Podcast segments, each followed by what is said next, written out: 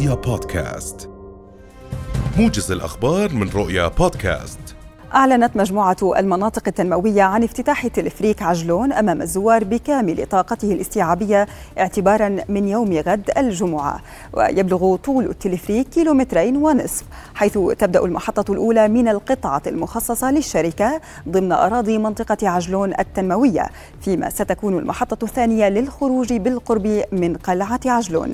ويشغل المشروع قرابة أربعين عربة والعدد قابل للزيادة حتى ستين عربة. وكل عربة تتسع لثمانية ركاب. تناقش لجنة الاقتصاد والاستثمار النيابية اليوم البرنامج التنفيذي لرؤية التحديث الاقتصادي.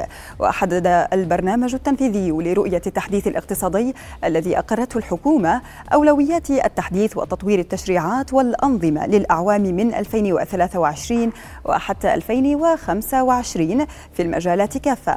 كما تناقش اللجنة المالية النيابية الربع الأول للسنة المالية 2023 بحضور وزارة المالية والدوائر التابعة لها ووزارة التخطيط والتعاون الدولي.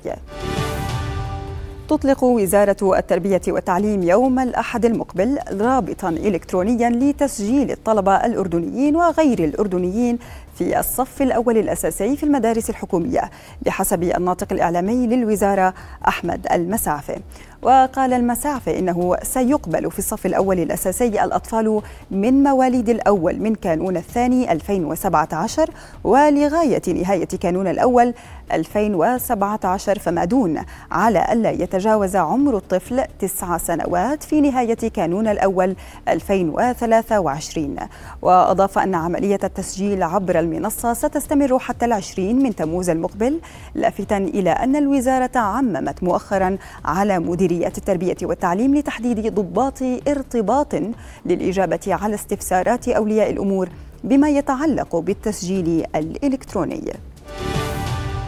استشهد شاب فلسطيني وأصيب اثنان آخران أحدهما بجروح حرجة فجر اليوم برصاص قوات الاحتلال الإسرائيلي خلال عدوانها المتواصل على مدينة نابلس.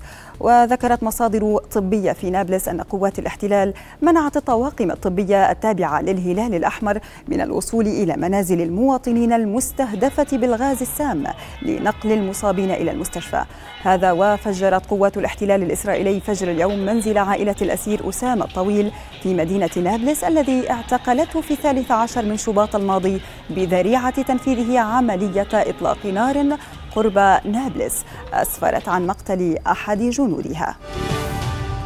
اتهم الجيش السوداني فجر اليوم قوات الدعم السريع باختطاف واغتيال والي غرب دارفور الإقليم الذي حذرت الأمم المتحدة من أن ما يشهده قد يرقى إلى جرائم ضد الإنسانية. وتأتي أنباء مقتل والي غرب دارفور بعد أيام من اشتداد الاشتباكات المسلحة في مركز ولاية غرب دارفور. بعدما تحولت المدينة إلى ما يشبه مدينة أشباح جراء القتال المتواصل. ومع دخول المعارك في السودان شهرها الثالث. اتسعت المواجهات في مختلف أنحاء البلاد وأفاد مصدر طبي بوقوع عدد من القتلى والجرحى جراء قصف استهدف منطقة حي النهضة جنوبي الخرطوم.